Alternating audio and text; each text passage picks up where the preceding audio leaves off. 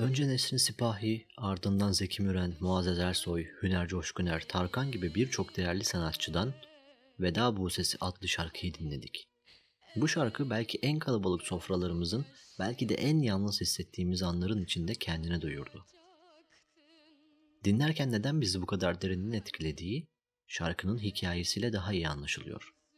Hazırsanız Veda Busesi şarkısının hikayesini anlatıyorum.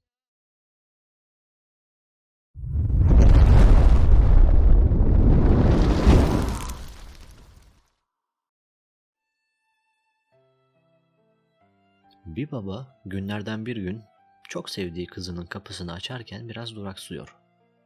Sessizce kapının kolunu aşağı indirip kızının bugün daha iyi olması için dua ediyor. Gün boyunca kızına doyasıya sarılmayı düşlüyor. O yüzden bütün işlerini iptal etmiş, akşama kadar onun yanında oturmayı planlamış durumda kızını seyrediyor. Uyuyup uyumadığını kontrol etmek için usulca yatağın üstüne eğiliyor ve kızını perişan bir halde görüyor. Gözleri hemen yaşaran baba, kızının bu halini görmesini istemediği için usulca eğilip dudaklarını kızının alnına götürüyor. Öpmüyor. Çünkü öpmek çok kısa bir an.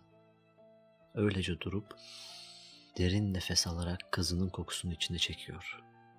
Kızı eliyle babasının kolunu tutuyor. Baba hala kızının alnından öylece duruyor. Biraz daha dursa gözyaşları kızının yüzünde damlayacak, ağladığı anlaşılacak. Yatağın yanındaki sandalyeye oturuyor. Kız o kadar bitkin düşmüş ki çok kısık bir sesle Babacım, annemin öldüğü günü hatırlıyorum. Günlerce çok ağlamıştım. Şu son anlarımda senden bir şey istiyorum. Ben öldükten sonra hiç ağlamayacaksın. Gözünden bir damla yaş bile düşmeyecek. Anlaştık mı? diyor. Baba imkansızı isteyen kızına uzun uzun bakıp ağlamakla halini bastırarak hafifçe başını sallıyor. Birkaç dakika sonra kızın nefes alışverişi hızlanıyor. Birkaç saniye içinde ise nefesi kesilip başı yana düşüyor. Kızın cansız bedeni hala ateşler içindeydi. Buna rağmen baba kızı üşümesin diye battaniyeyle sarıyor. Kızını sandalyeye oturtup yere çöküyor, başını kızının kucağına koyup hıçkırıklarla ağlamaya başlıyor. Ve işte o an dilinden 1951 yılında Yusuf Nalkesen tarafından bestelenen bu içli şarkının sözleri dökülüyor.